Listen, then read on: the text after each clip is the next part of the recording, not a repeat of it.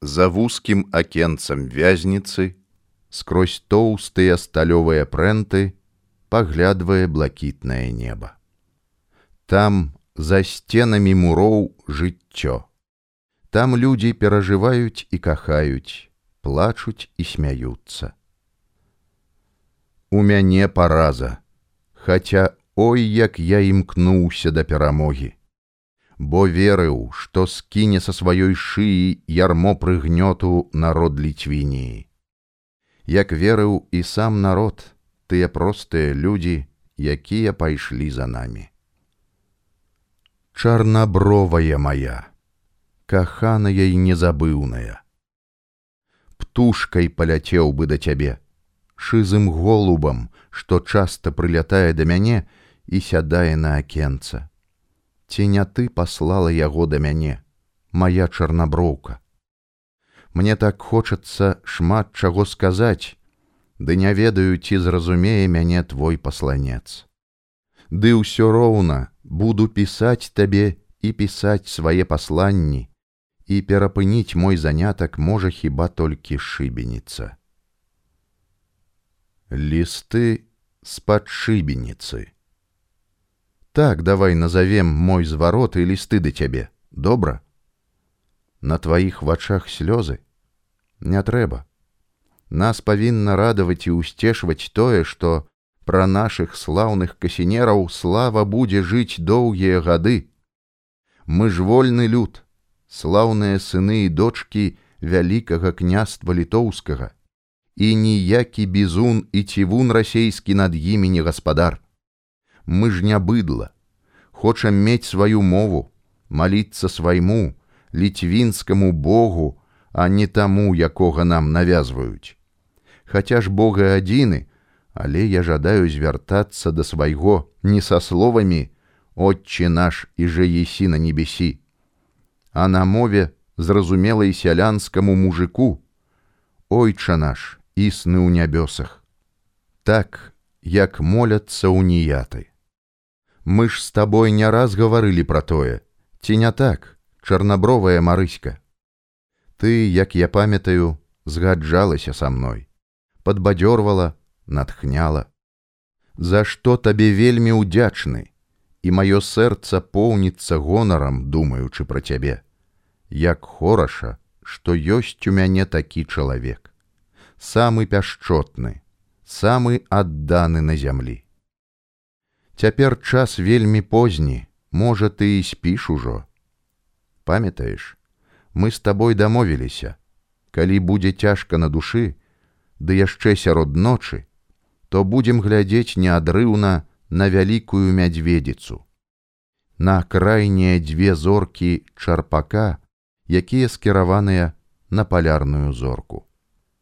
Я цяпер гляджу туды, чакаю, калі сустрэнуцца там нашыя позіркі. І гэта шчасце, што з майго акенца бачу мядзведзіцу, а праз яе бачу і цябе. Прызнаюся яшчэ, моя чарнаброўка, што ты кожную ноч праведваеш мяне. А па-за мінулай ноччу ты звязала мне белыя, з авечай воўны шкарпэткі і сама надзела мне на ногі. Прымусіла прайсціся ў іх па хаце. Не па камеры, а па драўлянай падлозе шляхціца нікіцкага. Ты глядзіш, як я ступаю па маснічынах і смяешся, весела гаворыш, ну як белы мядзведь ходзіш па крыгах. Раніцай я прачынаюся, а на губах гарыць не аціхае твой пацалунак, і на плячах не можа астыць жар ад тваіх лебядзіных рук, якімі ты абдымала мяне. Я так яскрава адчуваю цябе побач, што нават чую тваё дыханне. Нехта збоку можа падумаць, што я звар'яцеў. Мо яно і так, а мо проста мае пачуцці абвостраныя да такой ступені, што я перастаў быць чалавекам. І снісся ты мне яшчэ з прэс сатканай з лугавых кветак. На галаве ў цябе вянок з рамонкаў і сукенка з лілеяў, з васількоў, і вочы як тыя валожкі. Ты злілася з лугам, растварылася ў колерах неба, дрэў, паветра. Я палохаюся ўжо, што магу прайсці паўз цябе, праз цябе і згублю назаўсёды, але ты нечакана з мроева суквецця хапаеш мяне за руку. Хочаш, каб я разам з табою растварыўся, зліўся з наваколлем і з табой. І тады ніякія шпікі і следчыя не змаглі б адшукаць мяне на ўсім зямным шары.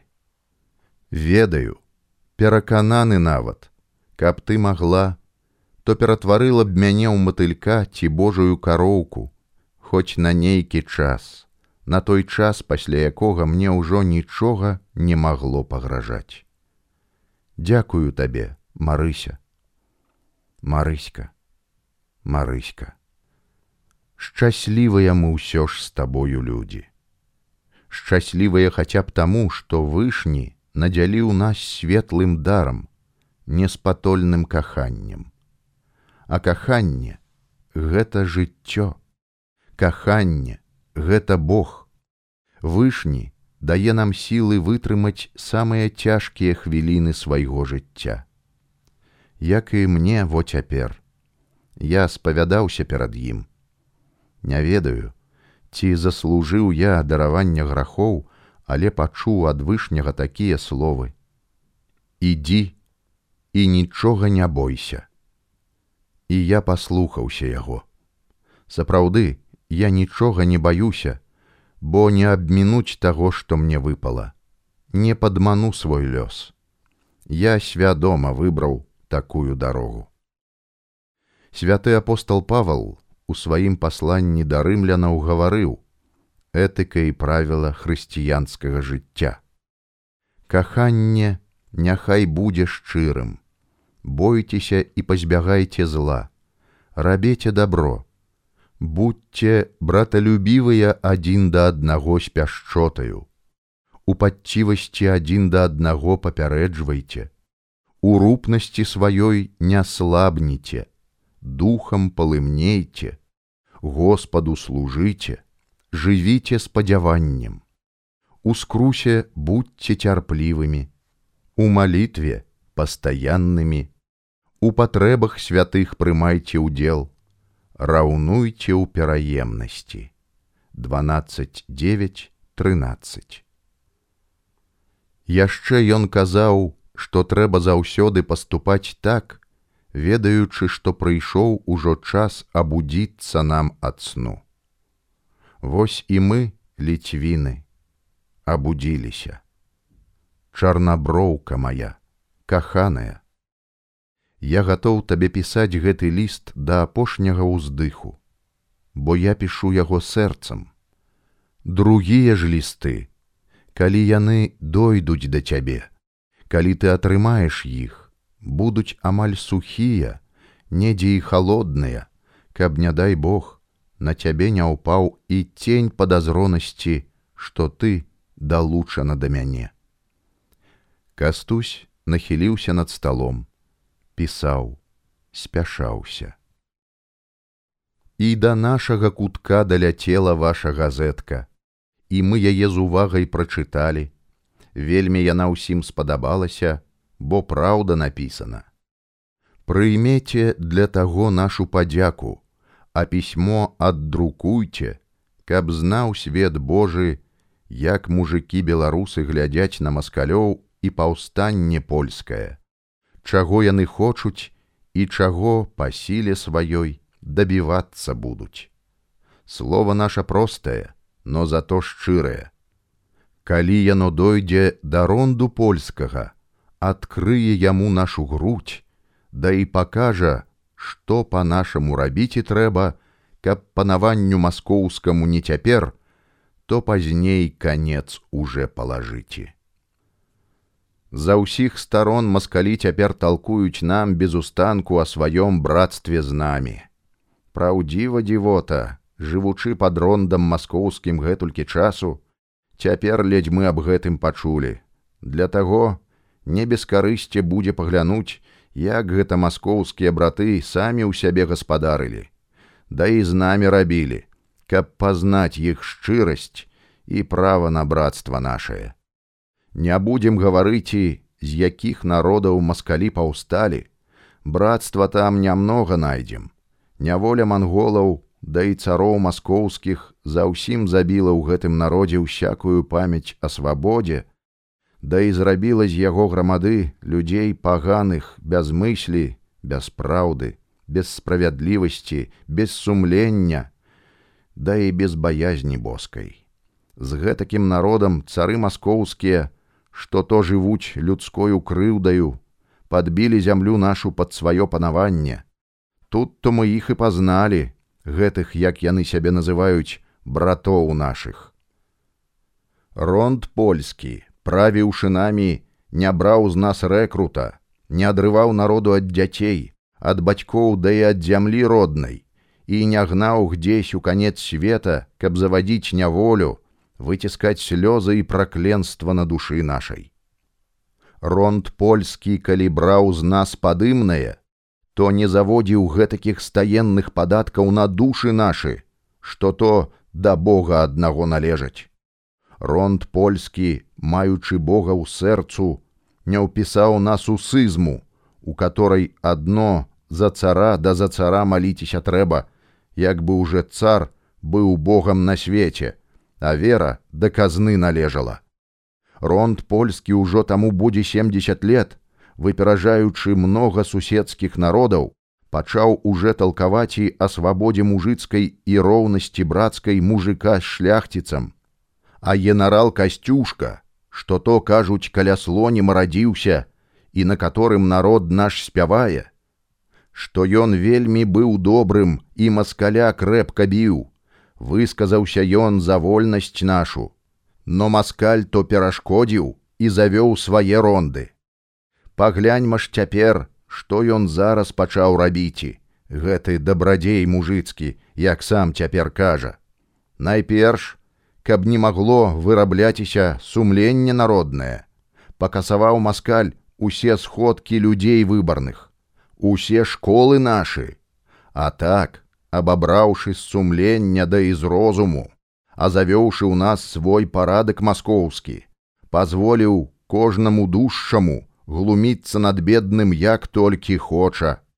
Паноў за ўсім увольніў ад усякіх цянжараў даў ім права завадзіць паншчыну маскоўскую, а яна то не тры да і не шэсць дзён з хаты, но шэсць дзён з душы рабочай. Мужику не толькі што не даў ніякага права, но яшчэ адабраў і тое права, якое ён меў ад ронду польскага. Многа людзей вольных, да і каралеўшчызны вялеў у паншчызну ўпісаць. Кажнаму можна было мужика крыўдзіць, а чыноўнікі маскоўскія не рабілі яму ніякай справядлівасці, но яшчэ калі суд на глум не ссылаў мужика ў Сібір, то аддаваў на вечнасцю салдаты. Калі які пан, паслухаўшы сумлення, ішоў за праўду і справядлівасць і спраціўляўся прыказу царскаму, который кажа: дзяры, бяры, да і маўчы, тады яго, калі не ўцёк да француза у турму бралі да і ў сібір гналі а двор з людзьмі ў казну забіралі. Стуль то ў нас і мужикі казённыя пярвей яны служылі казне паншчызну а после ў аброк іх упісалі. Да і акром аброку ганялі без ніякай падзякі усялякаму чорту на работу. То акружному то асесару дай кожнаму хто адно перакупіў. Начальство ось то якое маскоўскае для мужикоў а нібы дабрадзей. Няхай той сам судзіць хто пісьмо маё чытаць і будзе я адно скажу па шчырай праўдзе што калі нам под рондам польскім не заўсім было добра то як маскаль стаў намі правіць зрабіў ён для мужикоў чыстае пекла на свеце. Тут сказаць і яшчэ трэба што ён змусіў нас пакідаць і бацькаўшчызну ісці ў рэкруты, дай ваяваць і не за прыказ боскі, не за праўду і справядлівасць, но за глум, за няволю не раз проціў братоў ды бацькоў нашых. Тут сказаць і трэба, што маскаль дабрадзей мужыцкі, зняўшы з паноў усялякія падаткі, зваліў іх адно на мужыцкае племя, аблажыў падаткамі і мужыцкую зямлю, і мужыцкія хаты, і мужыцкую душу, і мужыцкія дзеці, і мужыцкую скаціну, жывых і ўмёршых. Но не тут яшчэ канец маскоўскага дабрадзейства. З дзядоў і прадзедаў была ў нас уніяцкая вера. Гэта значыць, што мы, будучы грэцкай веры, прызнавалі за намеснікаў боскіх святых айцоў, што ў рыме. Царом маскоўскім і гэта стала завідна. Для таго, скасаваўшы ў Маскве грэцкую веру, а зрабіўшы царскую, што то называецца праваслаўе, і нас адарвалі ад праўдзівага Бога і ўпісалі ў схізму пагану. Такім спосабам, абабраўшы з гроша з рук спасобных, запраглі нас у паншчызну і каб слёзы мужыцкія не трапілі перад трон праўдзівага Бога, забралі нам і духоўну нашу патеху, нашу веру уніяцкую. Праўда, людцы ёсць за што падзякаваць.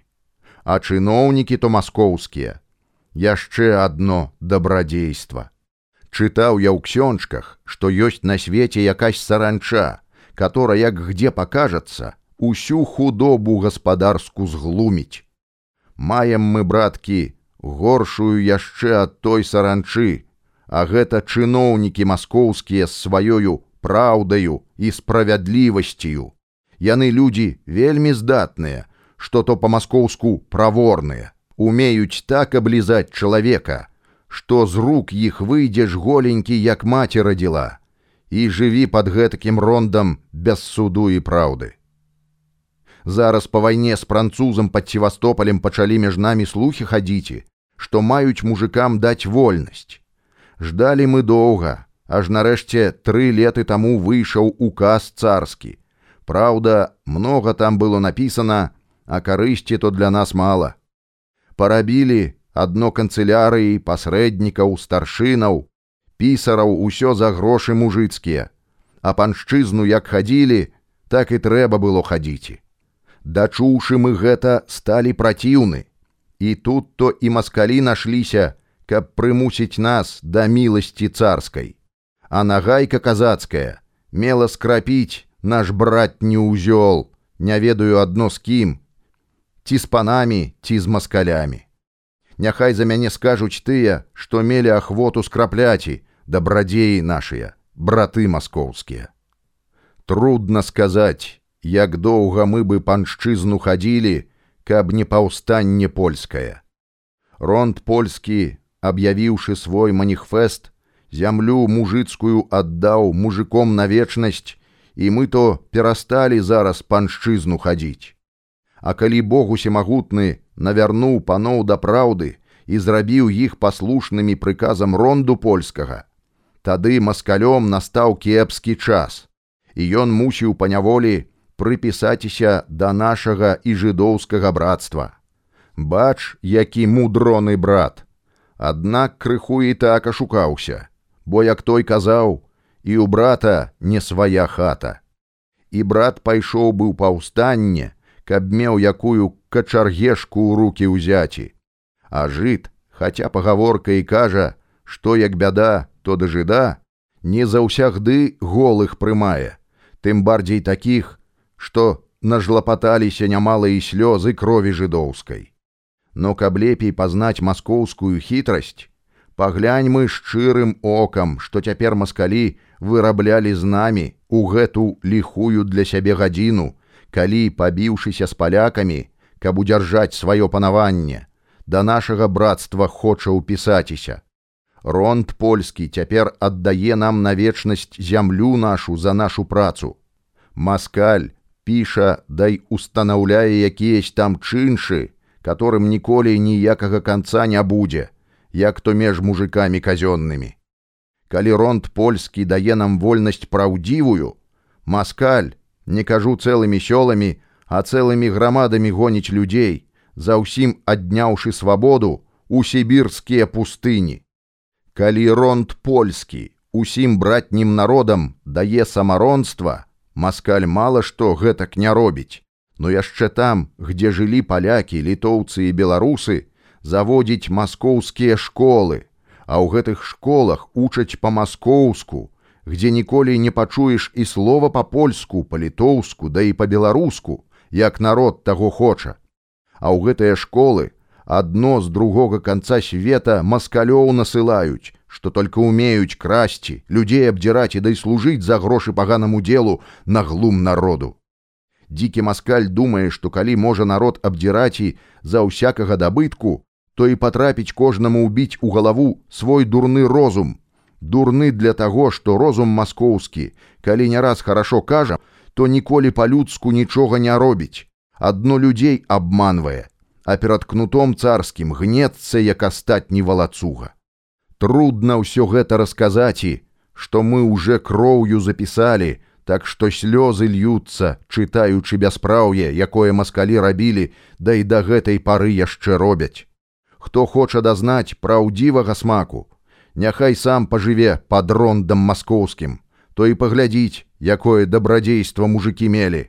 Ось то, для чаго кажам, што польскае дело, гэта наша дело, гэта вольнасці дела. Но немало працы трэба, каб здабыць гэту свабоду, которой ждже усякі пачаўшы ад дзіцяці да старога деда. Бо калі маскаль гэтулькі лет упускаў свае пазуры ў грудь нашу, то не дзіва, што трэба пацярпець доўга, каб вырвацца з-пад ягонай братняй апекі. Для таго і не без карысці будзе, калі цяпер паталкуем, якія мы маем на то спосабы. Гаварыць тут будзем мало, кожны ведае для чаго бо маскаль не павінен ведаць, пераняўшы на прыпадак пісьмо гэта. Доўга палякі ждалі памоцы з-за граніцы. Народы чужаземныя крычалі многа і да гэтай пары нічога для нас не зрабілі. Кажуць, што яны не маюць ніякай патрэбы сваёй у польскім деле, каб на маскаля ісці за нас ваяваці. 200 лет таму назад, а бацькі нашы ляпей ужо казалі: калі маеш Бога ў сэрцу і прыказ яго, памагай бліжняму, і ішлі бараніць хрысціянства ад татарскай дзічы. Да гэтакай памоцы хаця і маем права, но мы не вымагаем, Няхай кожан робіць, як яму ляпей здаецца. Аднак сказаць і тут трэба, што калі ўсе каралі падпісалі нашу няволю маскоўскую, то яны вельмі скрыўдзілі чэсць сваю, што змыць гэтае бясчэсце не толькі патрэба, но кожан мусіць, каб мець сумленне чыстае. Для таго, знаючы, як стаіць наша дело за граніцай, не перастаем верыць, што мысль боска, правёўшы векі, не дасць загінуць праўдзе і справядлівасці. Калі уже не найдзе для таго спосабу ў цяперашнім парадку, разарве гэты узел, дай паверне сілу народу куды схоча. Нам адно сильно шчырай верай за сваё стаяць і трэба. А ронд наш павінен быць на ўсё чуткі, каб мог для добра народнага за ўсяго карыставаць. Сілы нашы яшчэ вялікі, ваяваць з німі можам Бог ведае як доўга. Но для таго трэба з адной стороны іх аберагаць, а з другой вырабляць штораз то новыя. І так, калі паўстанне зроблена пад добрую пару, узрастае і ажыўляе народ. Не ў час марнуе сілы кожнага, аслабляе ў прастоце духа, да і разводзіць страх і няверу ў дзела наша, у моц Божу. Ронд польскі і яго чыноўнікі ведаюць гэта, і для таго, каб служылі добра перад Богам і сумленнем народным, робяць няштучныя завірухі но паняўшы духа народнага, яго патрэбы і волю будуць падхватываць да і разумна застаўляць палкі народныя, а развіваючы непадатлівасць у народных несканчоных бунтах, ставіць апору маскоўскаму ў нас панаванню. Работа тут не хутка, да і не паказна, но зато пэўна, і яна нас давядзе да канца добрага. Работа тут цярмяжна, Для таго, каб была скутэчна, павінна быць так шчыра і проста, як тое сэрца, што б'е пад сярмягай, як той розум мужыцкі, што не перабірае, калі рабіць трэба. Тагды слова ронду польскага, вольнасць, роўнасць, дай свабода народу, пяройдзе ў кроў кожнага і цэла моц маскоўская нас не пераможа. Хаця ж бы яму самое пекла памагаць і стала. Рукахвотных і сягодня ў нас даволі, но з голымі рукамі не ісці на штыкі маскоўскія. Ронд польскі і яго чыноўнікі павінні добра над гэтым падумаць. Грошы ў нас будуць, бо мы знаем патрэбу таго, бо мы маем спосабы на тое. Но каб за нашы грошы мы мелі што ў руки ўзяці, Ронд польскі гэтаму зарадзіць, А калі натрапіць перашкоды, то пры памоцы Бога і свайго права, упісанага ў нашых грудях, усё з часам пераможа. Ты, аднак, народзе, не дажидайся, да з чым можаш ідзі ваяваць і за свайго Бога, за сваё права, за сваю хвалу, за сваю бацькаўшчызну. Для цябе ўсё можна, нож, сякера, атрута. Гэта твае спосабы, бо табе, як таму мужику нявольнаму, бяспраўнаму, не прызнаюць права самаабароны, бо табе нічога не можна. А калі народы загранічныя з дзіва разіну ў шырот скажуць шалёныя, ты, народзе вялікі і чэсны, праўдай ім адкажы, што яны таму прычынай, што гэта на іх сумленне цяжкім грэхам ляжа. Скончыў пісаць, доўга і ўзбуджана хадзіў па пакоі. Потым, як што скаланула яго, нехта нябачны асцярожна дакрануўся да яго спіны. Марыська чарнабрэва, галубка моя, Гдзешся падзела шчасце і ясна доля твоя. Усё прайшло, прайшло, як бы не бывала, адна страшэнна горыч у грудях застала. Калі за нашу праўду Бог нас стаў караці, даю прадвечнага саду вялеў прападаці, то мы прападзем марна, но праўды не кінем. Хутчэй неба і шчасце, як праўду абмінем. Не наракай марыся на сваю бяздолю, но прымі цяжкую кару прадвечнага волю. А калі мяне ўспомніш, шчыра памаліся, то я з таго свету табе адзавуся.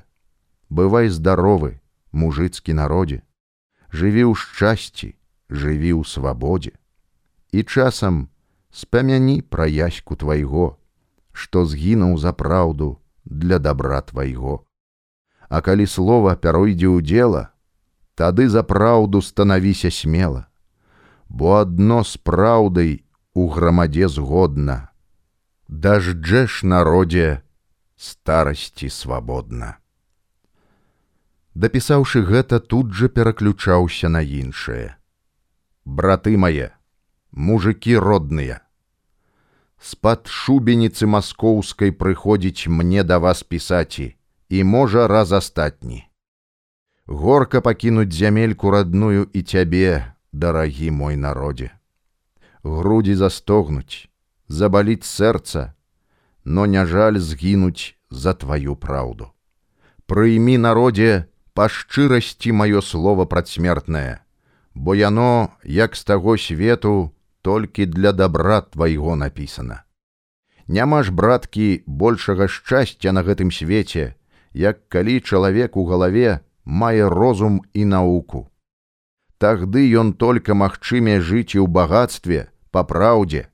Тагды ён только, памаліўшысь Богу, заслужыць неба, каб збагаціць наукай розум, разаўе сэрца і радню цэлу сэрцам палюбіць. Но як дзень з ноччу не ходзіць разам, так не ідзе разам навука праўдзіва з няволяй маскоўскай. Дапокуль яна ў нас будзе, у нас нічога не будзе. Не будзе праўды, багатства і ніякай наукі. Адно намі, як скацінай, варочаць будуць не для добра, но на пагібель нашу. Для таго народзе, як только калі пачуеш, што браты твае з-пад варшавы б'юцца за праўду і свабоду, тагды і ты не оставайся сзаду, но, ухапіўшы за што зможаш, за касу, сакеру, цэлай грамадой ідзі ваяваці за сваё чалавечае і народнае права, за сваю зямлю родную. Бо я табе з-пад шубеніцы кажу, народе, што тагды только зажывеш шчасліва, калі над табою маскаля уже не будзе. Твой слуга, яська гаспадар з-пад вільні.